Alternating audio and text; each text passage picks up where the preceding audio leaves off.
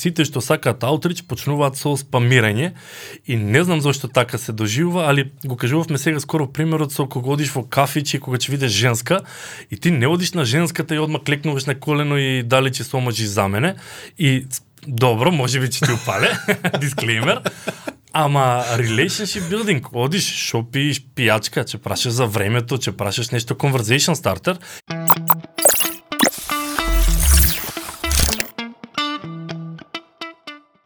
Добро утро, добар ден или добро вечер, во зависно од тоа како не слушате.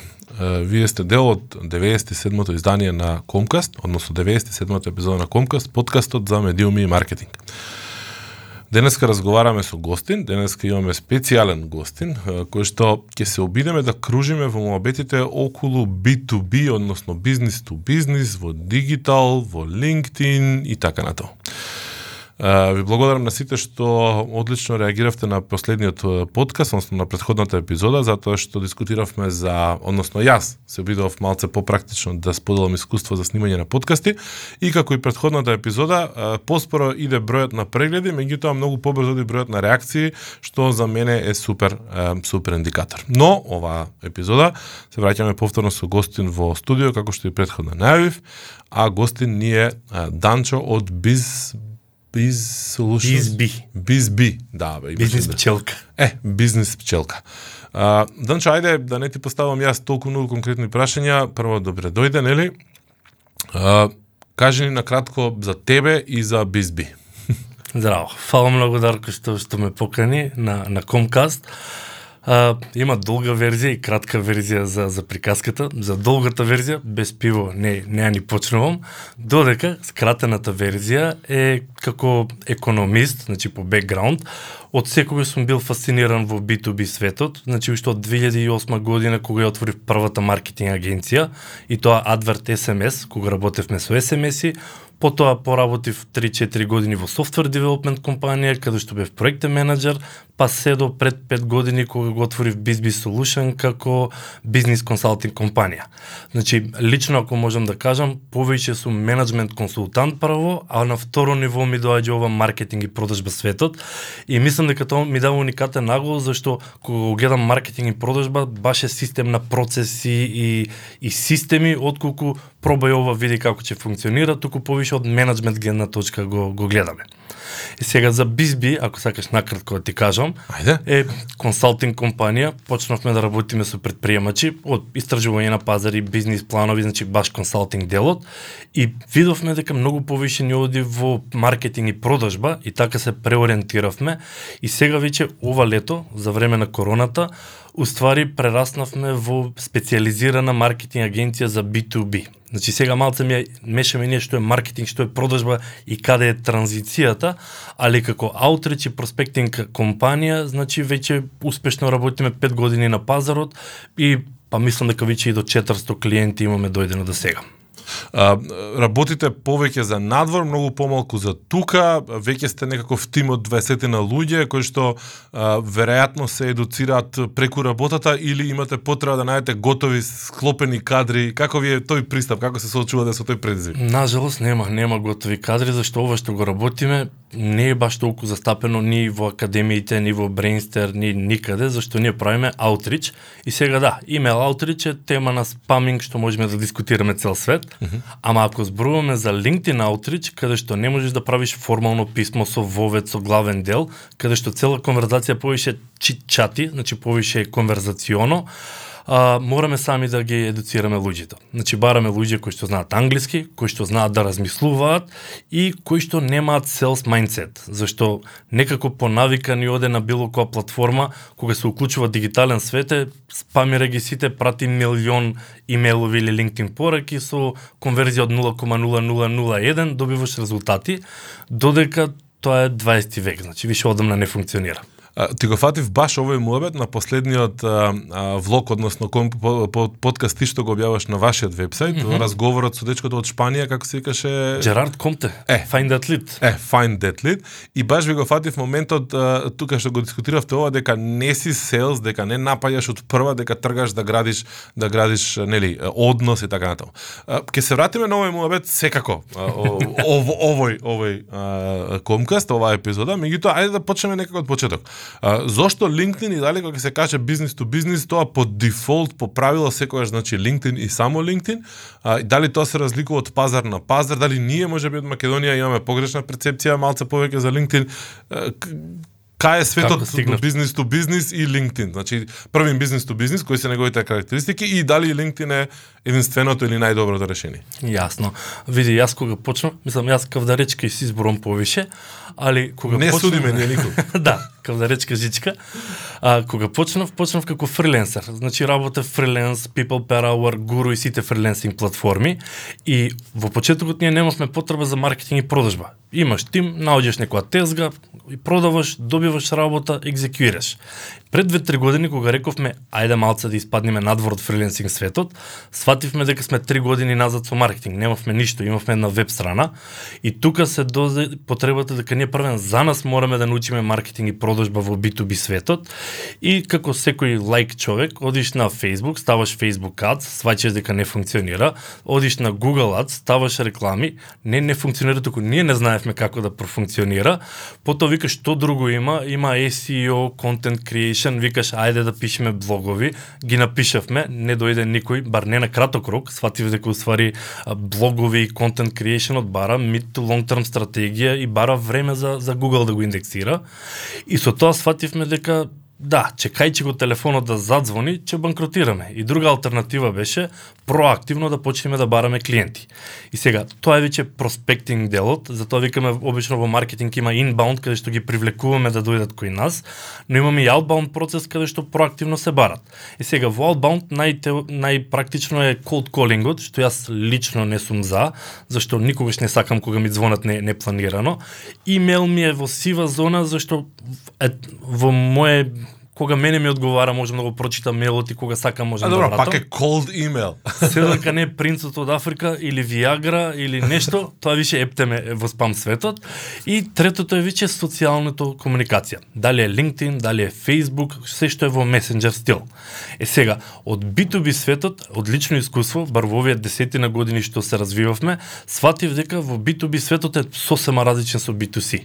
Значи, во мојата перцепција е дека доколку имаш физички производ, што е за конзумеризам, едноставно правиш Facebook реклама, ставаш флешови, купете, импулсивно купување од неколку долари да кажам и значи пое на импулсивно и на емоции. Во B2B светот е сосема друг свет. Многу повише пари се уигра, значи производи од 5, 10, 50, имавме и 200.000 евра производи што ги нудиме. Воопшто не е one е, decision making од еден човек, секојаш треба да презентира на тим, па има борд, па дока се добие одговор, па дока се врати. Продажниот циклус е секогаш многу подолг, ретко ти може за ден да добиеш во B2B светот да се договори со некој, значи има процес на nurturing, односно на на македонски нарчаник Негување. на негување, вау. И со тоа свативме дека во B2B светот ни треба сосема различни процеси отколку стандардното а, имам нов пејдж, давам iPhone, лайк, шеар и комент и на еден рандом човек ќе му го даде. Многу баво функционира и тоа, ама не во B2B. Значи во B2B дури може да биде контрапродуктивно зашто ќе речат а ова не не сериозна компанија. Е сега во high ticket сервис провайдерите, баш каде што специализираме ние, по во high ticket сервис провайдери ние ги таргетираме сите консултанти, а, маркетинг и продажни агенции, како и софтверските компании. Дали се SaaS, имаат собствено решение или се софтвер development компанија, меѓутоа во тие компании проектите се секогаш многу скапи. Значи дали е неколку илјади евра, дали се десетици илјади евра и тука се сваќа веќе дека не е најдов потенцијален клиент, му пристапив и добив или не го добив, туку има веќе процес на одгледување, на нарчерингот, каде што бара и, и развивање на однос. Е, тука ние тоа делче го земавме и го подкопавме на фундаментално ниво, можам да кажам, зашто му флеговме од психологија, му флеговме од тачпоинт и од секвенци и го прилагодивме за LinkedIn платформата. И само баш сакав уште да ти додадам, LinkedIn го земавме зашто е единствена B2B платформа што е ажурирана. Значи на Facebook можеш да таргетираш по различни категории, ама на LinkedIn со Sales Navigator филтрите ти веќе добиваш пристап до база која што се само апдейтира. Работевме многу години градење на бази, ама че скрапниш или че направиш база и имаш локално, можеш да ја користиш, ама за 3 до 6 месеци станува обсолет. Мислам, луѓе менуваат работа, си одат од компанија, а додека на LinkedIn луѓето сами си апдейтуваат. Сум променил работно место, одам на LinkedIn да се пофалам, веќе сум нова компанија. И тоа нас си даде... нов сертификат. Да, нов сертификат, нова позиција, годишни нова компанија, сите тие работи се фалиш на, на LinkedIn ствари. Што значи ова? Значи дека LinkedIn е само а, мрежа каде што ќе ги добиете информациите за да ги детектирате потенцијалните а, нели лидови и да почнете да работите на нив или и комуникацијата ја правите таму. Значи во какво сценарио кој дел го користите, зашто ја користите? Двете. Значи ако зборуваме сега за LinkedIn Outreach конкретно, дефинирање на ideal client profile, на персона так, на македонски, так, так. а LinkedIn има фантастични филтри. Може да таргетира сметководители во Англија од 50 до 200 вработени, во тие компании може да избереш и кои позиции, дали сакаш CEO, дали сакаш а, основач, заменик основач и сето тоа ти е сервирано на тацна само со, со Sales навигаторот. Е сега, од таму ние веќе ја продолжуваме и комуникацијата на LinkedIn каде што му пристапуваме на луѓето, не прифаќаат, почнуваме некаков чит-чат конверзација, при конверзацијата ние ги квалификуваме дали се релевантни за нашиот клиент или не се и доколку сметаме дека се релевантни, пак не продаваме. Само викаме имаме нешто каза тебе, мораме да му кажеме зашто е и пробуваме да го донесеме на состанок. Како е таа комуникација? Значи, вие и вашите колеги, мислам и твоите колеги, со своите лични профили на LinkedIn, со, на кои што стои дека сте дел од BizB и така натаму, им пристапувате и е, им понудите некаква релевантна информација, влегувате во групи, разговарате, за на крај да му кажеш, е, слушај, имам клиент, кој што може ќе те интересира. Значи, тој свич ми е нејасен, пошто да. нас не се случувало компании многу често да ни побараат да им понудиме некаква стратегија за за LinkedIn и кога ќе им објасниш дека се работи со лични акаунти, дека ти треба да градиш личен акаунт, дека ти асетот главен на LinkedIn ти е личниот акаунт, а не е компанискиот акаунт, нели сам по себе. Да, да, и одмаш ку уф, чекај ручна, се чекај ние немаме лични акаунти, ние не сме спремни да ги даеме акаунтите нели на нашите вработени така натаму. А ние како агенција во многу ситуации не сме по подготвени да нашите лични акаунти ги отстапиме за за клиентите. Како вие го решавате тоа? Баш, истите проблеми ги имавме и ние на времето, кога почнувавме, пробувавме со наши профили, па после имаш некоја транзиција како да го препорлиш на клиент и се губеа многу лидови. Сега веќе одиме строго со клиентските профили, како white label сме ние, што значи нема никој представа дека ние сме биле вклучени во профилот и можеби и затоа се фокусиравме на high ticket сервис провайдери, зашто CEO-то или собственикот на софтверска компанија или на консалтинг, за почеток дневницата му е неколку илјади евра и кога ние му идеме и му викаме ти ни го даваш твојот LinkedIn профил и имаш done for you solution комплетно, он вика take all my money. Значи јас само си добивам состаноци. И накратко баш да ти го кажам процесот mm -hmm. како фанел како ни е поставено, е првен имаме неколку дискусии со клиентот да фаниме кој е идеалниот таргет. И сега Најчесто со маркетинг агенциите имаме проблем, зашто таргет се било која компанија и од друга страна па која е таа продукт маркет фит услуга, зашто како маркетинг агенција се нуди и ова и ова и ова или па софтвер девелопмент компаниите, а ние ни треба ласер фокус. Значи еден таргет со една услуга за да ни биде влез со влез да. на предна врата, а кога веќе ќе влеземе можеме да понудиме и се друго во апсел, даунсел и во сите останати опции.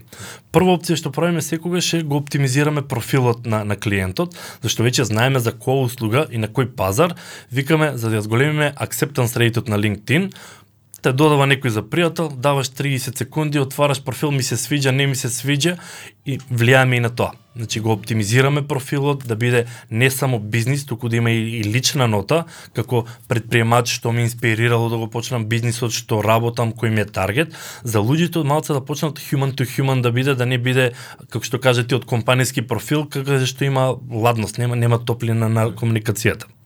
И сега, откако го средуваме профилот, почнуваме со invitationот.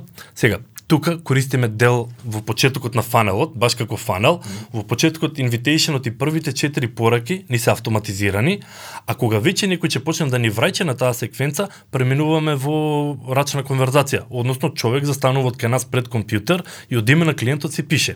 Ги разгледувавме овие роботи што се знаеш чат-бот Да. каде што почнува, рано е. Уште не сме стигнати технолошки да Има да не чат-ботови што се врзуваат со LinkedIn, постојат веќе. Има, така има веќе и бро. чет-ботови, само што се осеќа кога разговараш со чет, со чет-бот Така. и плюс чет-ботот не знае емпатија, не знае Така, да, да така. споделе приказка. Значи ние кога пристапуваме викаме здраво Дарко, како си, а, како со короната, е сочувствувам со тебе и кај нас е слично или кај нас е подобро и тоа робот не го знае. Ботот си знае во ако каже да, вака ако каже не. Јасно. Ќе стигнеме таму, само што треба уште малку време. И сега тука кај нас почнуваат маџиите зашто тие четири пораки ни се conversation стартери. Баш ни се да почнеме разговор. Можам да ви кажам пример на моите пораки зашто и ние си, си ги користиме нашите услуги. Така.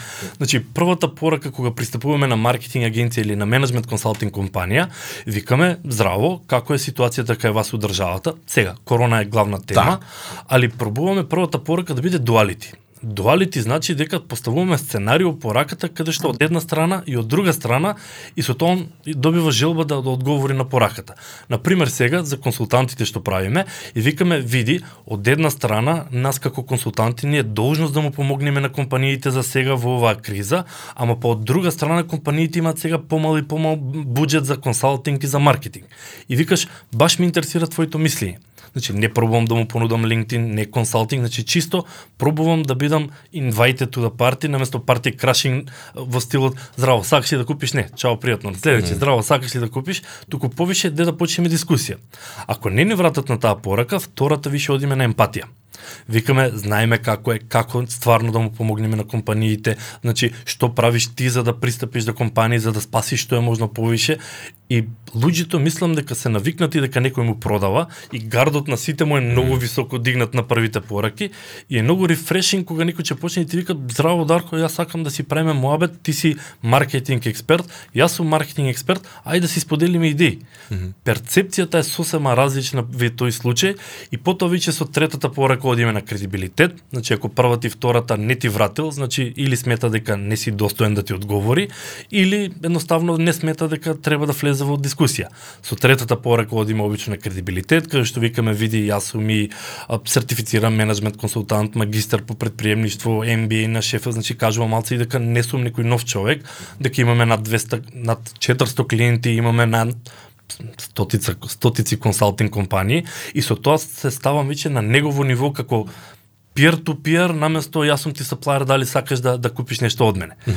И последната порака четвртата ни е најчесто free value. Значи пробуваме, викаме, види, вајда си зафатен, немаш сега време, еве ти еден e-book for free или еве ти еден digital asset или било што, со цел да не го затвориме конверзацијата тука на сакаш да купиш или не, туку е има време. Про, сложен е B2B процесот, може би за 6 месеци ќе му претреба нешто од нашите услуги и сакам ние да се позиционираме како go to guy.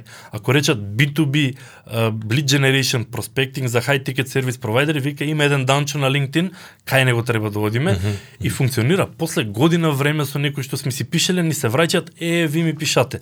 И викам супер, долг nurturing процес, ама знам дека веќе го имам авторитетот. Ба што ќе те прашав колку најчесто да речеме иако нормално не може така да се генерализира трае еден еден процес од од прво нели од вие фазиве што ги наброја да да помине. Мислам, некој пат се случува претпоставувам и во еден здив, во во во еден ритам, меѓутоа некој пат еве и до месец дена. Мене пред многу години а, еден а, драг пријател од регионов кој што исто работи што го работиме ние, значи интернет маркетинг и консалтинг, ми рече а, дека некој консултант, оној старошколски консултант од времето му имал речено, сега пред некои 10 години му тогаш му рекол дека во консултантскиот бизнис треба да поминат во тоа време 5 до 7 години од првиот контакт додека некој те ангажира.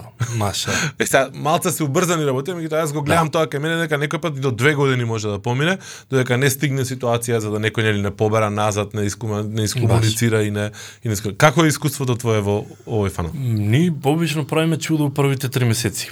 Значи, интензивираме на, на квантитет и на квалитет и правиме многу A-B тестинг. Значи, викаме, ајде да, да мериме се acceptance rate ако е 10%, значи профилот треба да се смене или пораката за за покана. Доколку не е висок acceptance rate, ама конверзијата, engagement rate ни е слаб, викаме или таргетот не резонира со пораките, што значи или таргетот треба да се смене или пораките Порак. треба да се смене, ама баш тоа го правиме на на академски бекграунд. Праќаме 1000 invitation, статистичка обработка правиме од тие. Со на ваа порака волку ни одговори, на ваа порака волку ни одговори и врз база на тоа знаеме дека ова поише функционира. Па после тоа го разглобуваме и имаме клиенти кои што у првиот месец му закажуваме повише од 10 состаноци.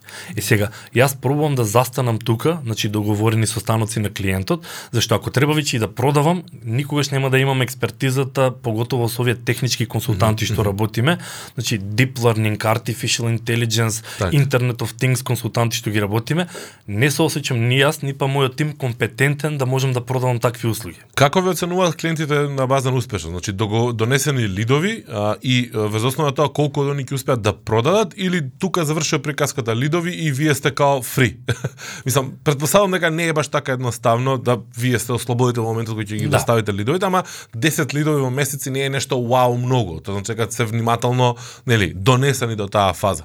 А, колку после тоа може да се каже еј не беа добри лидовите? Дали може да се случи на таква мала бројка условно речено, да еј не е не е добар, не е добар лидот. Јасно. Ни повеќе го гледаме како партнерски пристап, зашто ако клиентот продава 5 до 10 тилјади евра производ, него му треба еден клиент и покрил доста ритър, добар return of investment. Mm. И сега, од друга страна, ние овие десетина што ги кажувам месечно, не се лидови туку компании кои што сме ги квалификувале, сме ги прашале дали има интерес, потврдиле дека има интерес и сме успеале да закажеме веќе состанок со клиентот.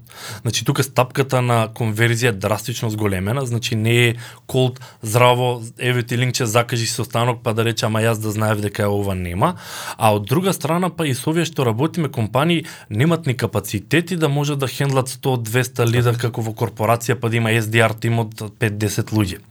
Може би повише групата тука ни е индивидуални консултанти, маркетинг агенции кои што имаат тим од тројца до пет луѓе и низ призма на капацитет, нив му е квалитетот многу побитен отколку квантитетот. И сега, од друга страна, на LinkedIn ти остануваат сите луѓе во мрежата. Значи, ако ние додадеме 1000 луѓе месечно, тебе мрежата секој месец ти се зголемува за плюс 1000, што тебе ти помага после преку објави на LinkedIn, преку authority building, преку relationship, да можеш да се поставиш како авторитет за да добиеш дополнителни лидови. Ви се случило некогаш да а, препознае дека не е истиот човек во позадина што се комуницира? Не, не. Значи многу напор користиме тука Дарко, каде што првен и копирајтерот што ни работи има Master in Psychology, што значи многу енергија трошиме на почетокот со клиентот да го мимикираме, да видиме што знае, како зборува а, на conversation стартерот. Имаме и nurture специјал, специјалисти, боже, е македонски, nurture специјалисти кои што пробуваат да го слушат клиентот за да можат после да го представуваат. И сега конверзацијата тука не е интересно што не пробуваме ние да продаваме, зашто имаме клиенти кои што викат зборот продажба не смее да биде спомнат mm. ни пич так. во комуникацијата. Дај да се запознаеме, дај да се направиме другарчиња, а после ако има потреба че влезиме во фанал на квалификација или на митинзи или нешто. И така да имаме некои консултанти кои што викаат не ми ни треба да продавате. Мене процесен циклус ми 18 месеци, mm. што значи јас мене ми треба само да ми ја зголемите мрежата, да ме запознаете со нив, а после јас ни изразични содржини че че си ја растам. Кога е, дали тоа значи дека вашиот ангажман во една ваква ситуација за некој консултант трае 18 месеци или имате некаков процес, да речеме 3 месеци, 4 месеци, после тоа го оставате и му викате од тука натака нели тере. Значи како се договарате во смисол до кај до каде е вашата работа? Каде нашето? Искрено моментално ни се 8-9 месеци просечен лайф сайкл на клиент mm. и нас ни требаат минимум 3 месеци за да можеме да ги направиме A-B тестингот да видиме што функционира, што не функционира. Mm. И сега имаме клиенти кои што после третиот месец вика, вау, добив, затворив 3-4 клиенти по 5000 евра, 20.000 евра, еве ти го LinkedIn профилот и на жена ми, еве ти LinkedIn профил и од децата, и уствари продолжите да ми носите канал на лидови. Так. И сега, нас ни треба секој месец нови лидови, значи горе во фаналот, mm. ама од друга страна после размислуваме како да почнеме да го сквизнуваме фанал за да извадиме нови нови апоинтменти. После четвртиот месец пробуваме да, да се напише некој блог клиентот што после ни пак би го споделиле. Доколку ако има некој ебук, пробуваме да го да ги мотивираме клиентите вебинар да напишат Так. со цел да се да се биде ласер фокус каде да се насочи сета таа публика за пак да има уште повише заинтересирани луѓе. Во таа подготвителна фаза, е се убаво ја отвори оваа тема. Во таа подготвителна фаза, значи за да прво изгледа добро, нели, вашиот клиент пред новите негови потенцијални клиенти. А, колку се спремни и колку вие може да влијаете ете, у тој e-book, у тој вебинар, у тој нели некаков аутрич. Колку време најчесто ви треба да го профилирате тој ваш клиент пред да почнете вие а, да комуницирате. Значи едно е да го дотераш профилот на LinkedIn, кој што верувам дека и ти сега можеш со тој лазер фокус да го пр Да. препознаеш одма колку е налицкан, колку врска нема, како се на, нели као achievement ваков achievement тако, до ствари секретарка негде или секретар сега да Да, да, да да, не зборам работи администрација. А, ама колку треба време и колку какво искуство имате да се соочиле во ситуација дали ви се случува да дојде некој на пример доаѓам да ја викам сакам да продавате за мене и ти гледаш и кажеш е профилот врска ти нема, ти врска немаш ќе треба време да го изградиме, не знам, 6 месеци, 12 месеци да пишуваш, да се појавуваш, да зборуваш, да споделуваш, па тек после ние да дојдеме да, да, да работиме. Види, имаме фази кои што не прифаќаме клиенти. Значи, не да викаме ние леле кој било кој што ќе дојде, зашто може би па нас и прайзингот е малце повисоко поставен, зашто не викаме види ако клиент не може да си дозволи за цел тим да работи за него, зашто ова не е веќе јас ќе работам на твојот проект. Значи имаме проекти менаџер, имаме копирајтер, имаме nurture специалист, користиме автоматизација на LinkedIn, што значи веќе станува проектен тим што работи за тој клиент. И нас подготовката ни е меѓу 2 и 3 недели само за да се изорганизираме со какви пораки, како профилот. Па нас имаме многу пати клиент ќе дојде, ама не јас не сакам relationship building, сакам му првата порака да му кажете здраво, јас сум даун, ќе продавам ова, ова и ова. И ние викаме good luck, не си за кајна, значи ти не си поставен за nurturing и long term развивање на партнерства, туку ти си спамире Да, да. на големо и што што проđе проđе. Каква е конкуренцијата во овој сегмент? Значи, има многу LinkedIn специјалисти, има многу луѓе што прават ова што само што го кажем, или спамот. Колку има со со ваков пристап? Има, има, да не грешам душа, на светско ниво има маркетинг агенции кои што работат. Најјаката маркетинг агенција е Predictable Revenue на Арон Росе, има и книга издадена на таа тема, само што убаво е он си ги држи корпорациите. Значи, него му е повише како коучинг, како консалтинг, обука на туѓи SDR тимови, додека како Done for You има десетина 20 агенции кои што работат во цел свет. И сега да не грешам душа Индија, Бангладеш, Филипини како фриленсери можеш многу лесно да најдеш аутсорсинг. И може би тука ние пробуваме да се диференцираме зашто Интересно, во дигиталниот свет сите се спам фокусирани, никој не е фокусиран на account based маркетинг за почеток, каде што не е, дури и со имейл кога работиме, не е скрапни база од милион и спамире, туку ние имавме проекти каде што у цел месец тројца луѓе фул тайм прават лист од 100 од 100 проспекти. И тоа значи комплетен акаунт-based маркетинг со анализи, со грейдување, со оценување, со профилирање на компаниите дали се релевантни за да почне било каква кампања пред тоа. А, во твоите видеокастови или подкасти како да ги наречам не е ни толку важно. Сега знам дека ми каже и изгледав неколку од нив дека се као но, нов контент маркетинг стратегија а, и нов предизвик а, интервјуираш и разговараш со луѓе што нудат различни алатки од овој тип. А, колку ова може да се работи без и ако не може без алатки, кои се тие да речеме основни алатки кои што без вие не би можеле да функционирате, почувајќи од премиум акаунт на на LinkedIn да речеме. Да. А, ние, бидејќи таргетни се high ticket сервис провайдерите, сваќаме дека консултант сам сигурно нема да седне додај за другарче, пиши му, почекај да ти врате или нешто и сваќаме дека автоматизацијата, иако е во сива зона на LinkedIn дали смееш да користиш или не, сепак премногу ги има алатки надвор и главната цел ако ти е за да спамираш, тогаш било која алатка нема да ти заврши работа. Ако ти нешто го правиш физички и после ти треба алатка само бар да те реплицира тебе, тука више има многу алатки кои што може да ти помогнат.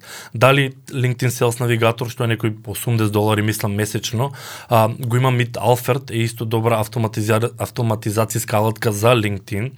Find That Lead, ете баш Да. од видеокасто што го правевме за пронаоѓање на имејловите, али тука Дарко имав една доста интересна поента што сакав да кажам дека сите што сакаат аутрич почнуваат со спамирање и не знам зошто така се доживува, али го кажувавме сега скоро примерот со кога одиш во кафич и кога ќе видиш женска и ти не одиш на женската и одма клекнуваш на колено и дали ќе се омажи за мене.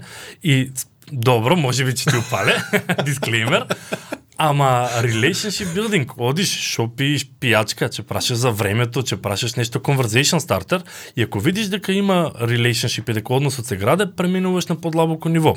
Исто е во B2B светот. Кога одиш ти на B2B конференција или B2B евент, ти не одиш со визитките и здраво, јас сум Дарко, еве ти ако сакаш да купиш, здраво, јас сум Дарко, еве ти ако сакаш да купиш, туку пробуваш да направиш културен муабет со неколку луѓе и ако видиш дека има интерес, преминуваш на, на подлабоко ниво. И сега, тоа го правиме во вистинскиот свет, а кога доаѓа во онлайн светот, како да го забораваме, тоа се префрламе спам. Спам. Значи, ако пратам на 10.000 луѓе со 0,3% конверзија, ќе добијам волкав респонс, а додека во физичкиот свет, баш сме поставени на relationship building. И сега ние во Бизби пробуваме само физичкиот начин на пристапување и градење односи да го префрлиме во дигиталниот, а да не се префрлиме на штом си во дигитален почни на масовно. Неколку пати повторуваш спам, спам, спам. Дали може би спамот не е чекор за да стигнеш до relationship builder? Дали може би спамот не е онака како ајде сите деца што тргаат нели у на ура, мислам деца под знак на водници, прво да се пробаме спам, па по, со тек на време ќе видиме нели како да го направиме во друго, додека научиме да го работиме другото. Дали тоа не е легитимна стратегија? Го имавме Никола во некој од претходните да. недели на на на Комкас што викаше пробувај. Значи као нормално дека треба време и дека треба нели градење на однос, ама што те кошта да пробуваш со сите можни различни техники? Јасно. Значи, пробувањето, ние сме ептем. A-B тестинг треба. Спамот кај мене е разликата што не сите клиенти имат таргет од 20.000 компании. Значи, ние работиме компании кои што има вкупно 500 компании му се во таргет. И тука, ако направи спам, прати по еден мейл или по една LinkedIn порака, толку. Бърн да бричи, затворил врата и после може да затвори бизнис. Yeah. Имаме моментално платформа од Англија која што има цела платформа за 5G услуги. И сега он вика мене ми се таргет мобилните оператори во Европа. И се тие се неколку стотини, не се десетици илјади па за да може да направи спам. И другата работа мене ми е во спамот е праќање на unsolicited пораки. И сега тоа е малце сива зона, нели широко за интерпретација. Ние во ниедна порака не праќаме атачменти, не праќаме кейс стадиња, не праќаме ништо, зашто јас уште верувам во permission based approach. Mm -hmm. Значи дури на пораката му викаш, види, вие сте маркетинг агенција, можам да ти покажам три маркетинг агенции како што се слични на тебе и му направивме фантастични резултати, дали сакаш да ти ги пратам? Значи наједноставно е дали сакаш и ако он рече да, ти веќе знаеш дека има интерес, можеш да му ги пратиш, можеш и фоллоуап по тоа, дали имаше време да ги видиш, ама лудило е некој да не ти врати на прва порака, да не ти врати на втора порака и во трета еве ти линкче закажи се останок, еве ти три кейс стадини, еве ти го сервис овервито, случајно ако ти претреба. Е тоа више не само што е спам, туку тоа више би те блокирало и би рекол е тоа е unsolicited според мене веќе. Колку често излегува комуникацијава надвор од LinkedIn? Значи можеби ја стартувате на LinkedIn, меѓутоа постоја носите на некој друг канал, не знам, мејл, видео, чет, друг, било што. Значи колку е останува внатре, а колку често излегува надвор?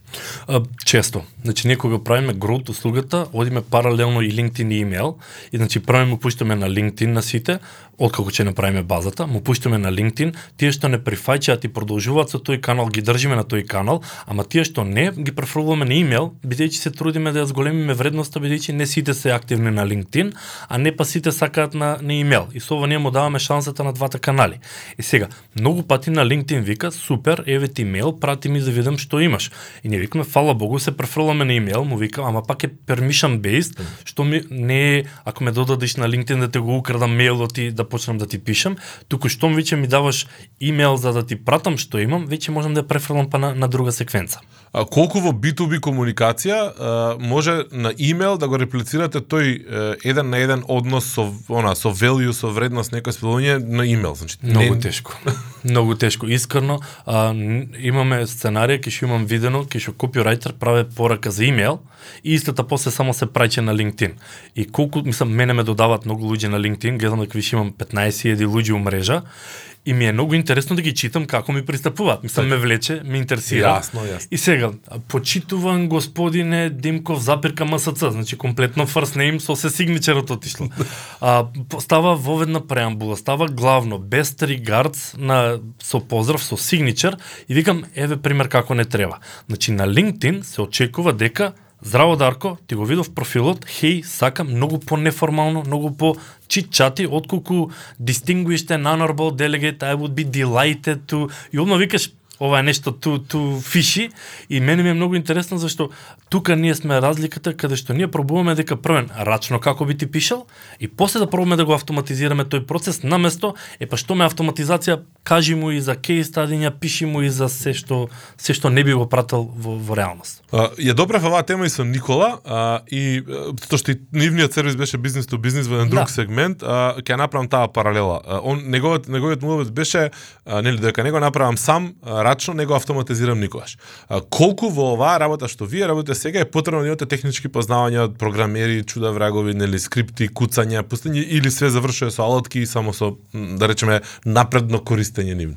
Да, нема, нема софтверско знање тука, значи економисти сме, а повише треба знање у маркетинг, продажби и психологија отколку софтвер. Мислам со овие алатките што се моментално достапни е drag and drop за да можеш да завршиш работа, ама од друга страна А латката ќе екзекуира тоа што ќе го кажеш. И сега ако ти не знаеш како да дигнеш curiosity, значи и, кому- и читат, читчатот што го правиме не е едукативен, информативен.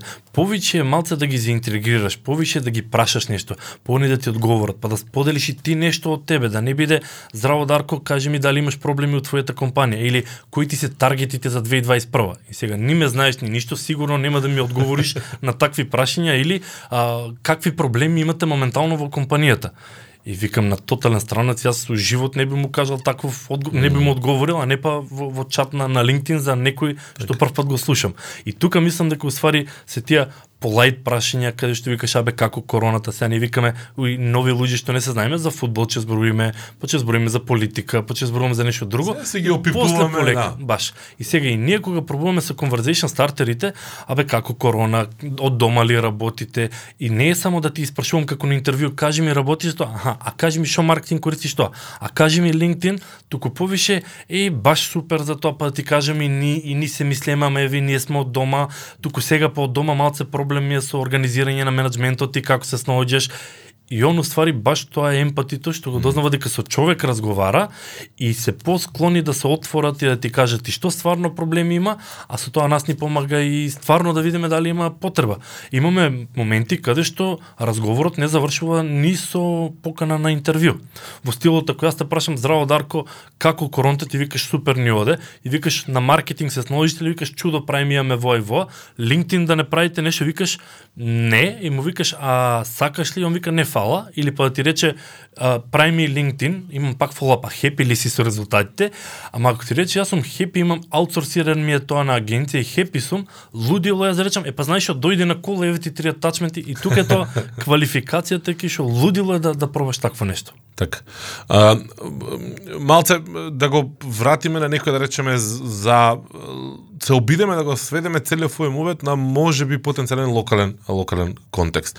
А, работите глобал, различно се однесуваат. Ајде прво прашање, дали имате искуство или имаш искуство за LinkedIn Македонија? Колку е профи, колку не е профи од овој аспект? Колку знаеме што сакаме или што не сакаме од LinkedIn? Да добиеме и второ, а, дали можеби сте пробале да го сработите овој за некој а, локален клиент, односно дали функционира на локален пазар? Да. Во Македонија имаме, ама на прсти се броат клиентите. А, за на македонски пазар никогаш го немаме пробано. Искрено, пет години работиме од Македонија на македонски пазар никогаш, бидејќи сите македонски клиенти што ни доаѓаат се сакаат да освојат некаков пазар. Значи имаме сега SaaS за крипто, дигитален сев, кој што ги таргетираме Gulf countries од Емиратите, Катар, Кувајт, мислам пртал прават. Од партнерства главата не знаат кај му е.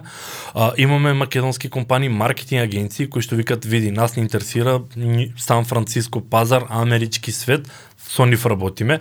А, имавме софтверска компанија која што работевме пред за време на короната баш и паузира зашто рекоа тоа е ни донесивте три клиенти, ни ги оптеретивте капацитетите и баш беше квотот смешен и вика па што да ви правам кога сте си многу добри? Вика ми го напаните капацитетите јас нема да ми требате скоро време фала многу е сега ама фала многу ме препорача на уште три други програмерски компании па сега имаме една artificial intelligence платформа од Македонија таргетираме автомобилски индустрија у свет. Имавме лани предлани уште една artificial а, компанија, добро јас малце стварно сме повише на хай-тек, ама уште имаше компанија што работеа со artificial intelligence во ритейл индустријата Аха, и ги таргетиравме Го знам и производот кој е. европскиот пазар на, на ритейлери. И како фирми, значи, имаме нешто македонски компании, сега сме во преговори со неколку исто, али претежно странските компании мислам дека а, многу повише ја вреднуваат услугата, поготово ако се вери high ticket провайдери. Значи имавме коучеви кои што вика јас дневно напочам 5000 евра ми е мене дневница. Или има онлайн програма, курс со се мастер класови и коучинг дел, му е 10000 евра од курс. И сега на тој клиент да му донесиме у трите месеци он доби 4 или 5 клиенти и те како е хепи. Mm. И сега ние му носиме можеби 20 на апоинтмент и он си затвара со со 25% conversion rate, ама има директен return of investment value и плюс а, сака цел комплетно да го деле, да го делегира, да го аутсорсира од него зашто ипак кога работиме со тие клиенти малце е треба да бидеме внимателни, оти сите се доктори на науки, сите се и на его малце по подигнати, да не речам така, или пак кога имаат некои што прават компании што имат стотици милиони у, у турновер, значи малци и ние мораме да се пазиме кога зборуваме со нив. И тука сега јас го гледам дека во Македонија има огромен потенцијал, ама има многу мал пазар. И сега во Македонија македонските компании можат многу добро да го искористат LinkedIn и да си најдат потенцијални клиенти, поготово сега ако е сервис. Физички производи е малце потешко, има увоз, извоз, царини Да. и се по список, ама од друга страна се што е дигитална услуга многу лесно може да се продава на инострански пазар. Да се продава на македонски пазар, јас првен сега имавме некоја кампања каде што требавме да видиме во Македонија каква е ситуацијата. Стартап Македонија пробувавме да правиме нешто. Абе, Македонија уште луѓето немаат LinkedIn профили, значи јас се запрепастив, викаме ајде да видиме кои се корпорации у Македонија, местиш од 200 плюс вработени, CEO-то нема LinkedIn. А стванав дека овие големите корпорации у Македонија не само што немаат вебсайт, немаат LinkedIn профил или па имаат вебсайт што е од турско да речам и сванав дека у Македонија не би се нафатил да правам кампања. Можеме од Македонија кон светски пазар, ама LinkedIn-от е уште назад во, во Македонија. Ќе те вратам уште еднаш назад, пошто кога зборуваше ми текна едно прашање што може би ќе биде интересно вака за, за споделување на искуство. А, работите со индивидуалци, нели, коучови и слично, консултанти и со фирми. Меѓутоа комуницирате во име на во име на некого. Да. А, дали ви бараат а, а, она безрезервно секогаш да им ја испратите пишана целата комуникација што вие ќе ја правите во нивно име, пошто сепак нели ти Данчо ќе треба да комуницира во име на Дарко. Јас сакам да да додека ти стекнам стекнам доверба во во тебе, сум туку така да ти кажам еве пишувај ти па утре да ми испадне некој да ми каже види овој мањаков на LinkedIn што пишува баш така. А, види, на почетокот имав проблеми. Луѓето викаат кај да знам дека добро ќе биде. Сега се поставивме како технички експерти и му викаш ти мене ме плаќа за да го направиме најдобро што може и не може да биде подобро од тоа. И сега ако се вратам на фанелот, овие четири conversation стартери ги пишиме in advance и му ги праќиме на клиентот да види дали се не добро напишани, туку се во согласно со негов стил. Тоа. Значи при пишувањето ние пазиме англиски а, UK English наспорт и амерички English, пробуваме австралиски English и други зборови, други фрази. Од Англија, ако таргетираме на Англија, користиме многу по-софистицирани зборови. Од Англија, кога тир- кога таргетираме кон Шпанија, мора малци англиски да го упростам оти non-native English се. Али нивниот стил да го доловиме, секогаш му ги праќиме тие пораки, али веќе откако ќе влеземе во конверзација со некој, нема како клиентот да ни се меша. Мислам сега ние може да бидеме со 100 потенцијални лидови во конверзација од неговиот профил и е било јас на секој да речам е овој ми го пише ова, јас сакам ова да му го вратам, туку веќе нарчар специјалистите си ја превземаат конверзацијата и пробуваат најдобро да, да го представат. Имам уште две прашања за до крај, а, така си ги смислив, да, да почнеме да го заокружуваме овото. Значи, едното прашање не е за окружување. А, на кој начин а, правите договори со вашите клиенти? Значи, по донесен лид или по сработена работа, да речеме, не знам, месец, два, три, пет, десет, значи, или двата различни модели во различна ситуација. Д- Перформанс или сервис бест? Види, ја идам од фриленсинг светот и у фриленсинг светот е сите модели. Значи под сите модели ние со 95% од клиентите работиме на ретейнер база. Ретейнер е месечно фи си плаќаш и со тоа добиваш done for you. Требало дополнителни пораки, требало A/B тестинг, месечно правиме статистичка обработка на податоците, па додаваме нови работи, измислуваме пета порака како треба организи. Со тоа со ретейнерот он си знае дека има една месечна сума и со тоа не добива скрос. Е сега, имаме клиенти кои што викат да, ама нас ни треба само базата. И тука се префрламе per hour. А, имаме per само execution, ми треба имам моја база на клиенти. Е сега, кај нас гледаме да биде комплетна контрола да имаме на проектот, зашто секогаш кога чепкаме нешто, може базата не била добра и не можам како да ги гарантирам резултатите. Секогаш подпишуваме три месечни договори, значи ни треба тие три месеци да можеме да грешиме, да експериментираме. Колку сме во иста фаза. И знаеш како, ни се погодува прв месец клиентот да затвори клиент. И викаме, фантастично, не чепкај ништо. Ама ни се десило два месеци интензивно да смениме 40 работи за да го хакниме таа индустрија на тој пазар функционира вака, на друг пазар не функционира истата услуга.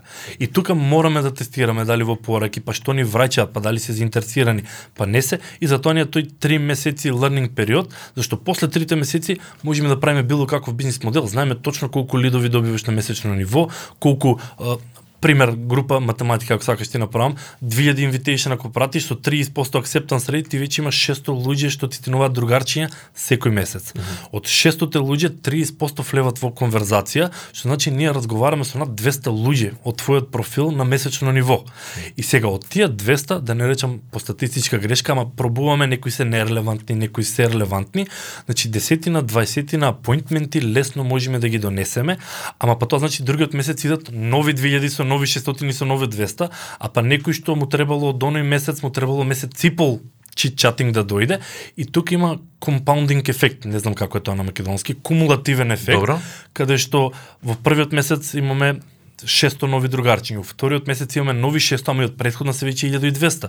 У третиот више се 1800 и заради тоа после третиот месец викаме не е лошо еден вебинар да организира клиентот, зашто можеме да се вратиме на сите 1800, тие што рекле не да ги скокнеме, тие што рекле да да ги скокнеме, сите што биле во maybe фаза да смислиме обука баш знаеме што позиција се и да биде ласер фокус вебинар. На пример, сега за менеджмент консултанти зборувам, баш треба да направиме вебинар каде што викаме како менеджмент консултант може да го искористи LinkedIn за градење на авторитет, кредибилитет и добивање на нови клиенти.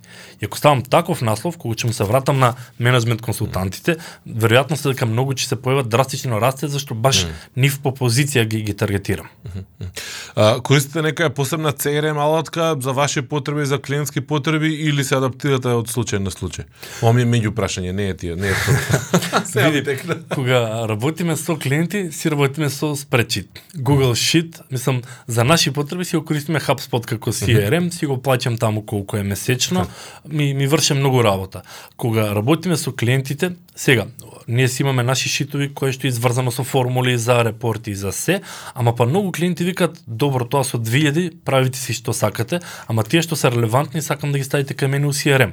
Работиме Microsoft Dynamics, Salesforce го користиме, HubSpot го користиме, теоретски сите CRM-ови имаат иста логика, само Така. различен различен интерфейс. И последно прашање, ветувам. А, е, малце јас и ти во подготовката го спомнавме, го спомнавме. Помина 2020, така како што беше, во својата најава кажа дека сте направиле реструктурирање некакво, нели, за да се фокусирате во ова што денеска го зборуваме а, во оваа епизода. Што се случува со 2021 и како понатаму? Чуда. Значи, ако ние од 2020, мислам со корона и сите работи, ние добивме експанзија. Значи сите компании кои што предходно си работеле физички евенти, конференции, евенти, па дури и физичка продажба, сега со короната мора да барат дигитални начини за аутрич. И затоа реков танка е границата дали сме у маркетинг или сме у продажба, зашто веќе одиме како и BDR, каде што веќе ги носиме потенцијалните ледови на на состанок. И сега за време на короната добивме доста експанзија за LinkedIn, за имейл со се appointment setting услугата. И сега 2021 ја гледаме година на контент creation искрено. Значи, од една страна работиме многу на аудиовизуелни, дали подкаст сум нагости често од една страна, од друга страна објавивме и кај нас видео интервјуа за маркет, за маркетинг и sales automationот. А у изработка имаме книга што треба да излезе со малку среќа у јуни, значи веќе сме у преговори со издавачка куќа од Англија, значи сакам да биде на англиски книгата и на светски пазари да одиме директно. Пак ќе биде за B2B outreach, мислам, тоа што си го знаеме, за тоа ќе биде книгата. Веќе менускриптот ми е готов, стигнав до 5-60 збора, сега треба више да почнат едитори, да почнат да сечат, да едитираат, што значи ми рекоа дека некои 4 месеци може да испаднеме со книга веќе. И со тоа да можеме да почнеме да одиме на што е можно повише контент, зашто и јас проповедам дека у B2B светот мораш да имаш авторитет и мора да, да имаш а, добро поставени канали, а и од друга страна верувам дека баш добро што праша преđеска, види како тебе клиент ти го даде собствениот профил и да можеш да едитираш во моје име и тука е више тие кредибилитет. Кога имаме кейс стадиња, кога имаме social proof, кога здравиче имаме книга, кога имаме веќе а, авторитет, значи они викат Да, тоа виќе не е Данчо во гаража работи нешто, туку тимот 20 на луѓе кои што баш на киков кога ќе дојде и копирајтерот и проектниот менаџер и јас и тој од продажба, па и Нрчар, пет луѓе се собираме и кога ќе виде вака пет души вика вау, значи воа не е онака ќе пуштиме Facebook, туку баш е систематски и, и, и и систематски. Тоа Добро, ова веројатно сите овие инвестиции во содржина и во нели профилирање на, на, на вашата услуга носат до ситуација која што ќе ве стави во позиција да може да се дигнете цената, да може да барате по условно речено уште по хай-енд или по по високо рангирани а, компании и слично. Да, јас како го гледаме дека сакам помалце клиенти, поскапо, фала Богу, no. ама подобро резултати. Така. Значи, дури ние разгледуваме и за контент да пробаме да воведиме како услуга, зашто, Дарко, сега, например, ако ти имаш добар LinkedIn профил, ние можеме да имаме добри резултати. Ако имаш лонг, лош LinkedIn профил, ние ќе го пролепшаме за пак да добиеме резултати, ама оставаме на тебе дека ти треба да си објавиш по некој пост на LinkedIn, да лайкниш, да шерниш нешто. И сега ни смета тоа зашто не го контролираме како фактор. И сега сакаме во прв квартал на 2021 да речеме дека и social постингот за LinkedIn конкретно зборувам сега, Facebook и Twitter и Instagram стварно не ни е, не ни е на срце, да можам да го контролирам зашто кога правиш value постови, кога кажуваш и лична приказка, значи одев, видов, ми се случи ова, луѓето почнуваат да се поврзуваат со тебе. И кога се поврзуваат со тебе, се поотворени за да видат како заедно да работите наместо здраво buy now со како што кажав, но даваме iPhone like и share и тоа делче ми фали за да можам уште подобри резултати да дадам на клиентите. А стварно ние си сакаме види 10-15 клиенти кои што ќе специализираме со нив, ќе успееме да му донесиме еден том пари, каде што они ќе речат, вау, Ептем имам добар return of investment, само терајци си дале и плюс ние си имаме BizB лабораторија каде што експериментираме на нашите профили. Значи имаме некои пет активни LinkedIn кампањи на пет различни профили и тука се чудните работи. Дали да ставиме видео да видиме дали ќе зголеме конверзија или чекай, не. Чекај, чекај. Значи што ми е? Ако, драги слушатели, ја пуштивте оваа епизода од Комка за да чуете што треба да објавувате на LinkedIn, за да знаете како да го надмудрите алгоритмот, ќе треба да дојдете во второто издание, кога Данчо повторно ќе дојде за некој да. недела, ќе имаат по, со, повеќе согледувања и тогаш ќе правиме мувет за како да објавувате на LinkedIn. Пошто да, ова е друг дел од моветот. Да. И сега ми се отвори цел еден простор на со прашање, ама нема да го отворам, па ќе го И мене искрено нема да биде за неколку недели, ќе ми требат месеци, так. ама цела психологија на хајти ticket сервис контент, значи не е а, здраво купи, туку баш е value sharing и authority post, ама уште не е у лабораторија, уште а, го експериментирам. И јас малце се играм со, со LinkedIn и ги следам луѓе околу мене, пошто имам доста странци на, на LinkedIn со кои што сме во комуникација заради Олвеп и така натаму, и ги гледам и они како се играат со алгоритам и како се играат со, со работи, дури некои луѓе тука и ги наоѓав и Македонија а, како тоа го прават. Ми станува интересно, ми станува да. забавно во секој случај, ама еве, од сега имаме договор дека за неколку месеци кога имаш а, некаков а, да речеме абсолвирано или сублимирано да. знаење и податоци, ќе отвориме таа тема и ќе ја дискутираме. Та утек, ми треба само статистичките податоци да ги соберам да видам каков е енгејџментот на вакви е. постави на такви и тоа ние си го викаме Бизби лабораторија каде што експериментираме интензивно. Дури пробувавме и без invitation порака. Само така да пратиш invitation, дали че смене наспорти многу добро напишан invitation. Mm -hmm. И со тоа, мислам, на нас тестираме, ако успее, почнуваме да го проповедаме на клиентите. Mm. А, сакаме баш да го направиме како value ladder dark, ама тоа е долга тема, каде што баш е content creation план за за LinkedIn конкретно, mm -hmm. значи Facebook, Twitter, Instagram пак ќе кажам не ни лежат на срце и тука више преминуваме а, наука и уметност. Значи сега науката со сите статистики и се, а уметноста е више како психолошки да го структурира за за стварно да има убав успех. Дончо, ти благодарам многу за, за гостувањето и за мојотот. Јас, еве, почнувам да ветувам втори, трети, четврти изданија, веќе не ми, не ми е прв пат, ама има стварно што да се дискутира. А, LinkedIn мене долго време ми беше некако мистерија невидена, во смисол сум слушал, сум гледал, сум читал, не сум го работел толку многу, а од секој пат ми бил ми бил интересен. Почнав лично да е вака нешто на, на, на small scale да се експериментирам, да, да се забавам и навистина уживав во, во мојотот. А, ми останува мене уште само да ја одјавам оваа епизода. Нормално, драги гледачи и уште подраги слушатели, ако ви се допадна ова што го слушавте, заследете го Комкаст на вашата омилена аудио или видео платформа, под видео мислам на YouTube, сабскрајбнете се, а аудио може да не слушате на Spotify, на Deezer, на Google Podcast, на iTunes, значи каде и да, каде и да не слушате, не е никаков проблем. И се разбира, ако имате коментар, искуство, споделете го кај да стигнете, ќе го пофатиме. Некаде, Данчо, ти благодарам уште еднаш, до некое следно видување за неколку месеци. Те држам за збор. Да, Дарко, фала многу што, што ме покани на, на подкастов. Мислам, тука сме се додека зборуваме B2B светот. Мислам, може би следниот пат треба со пиво да има многу подолга дискусија или ракија од кавадарци сум јас, да. тоа е друга приказка.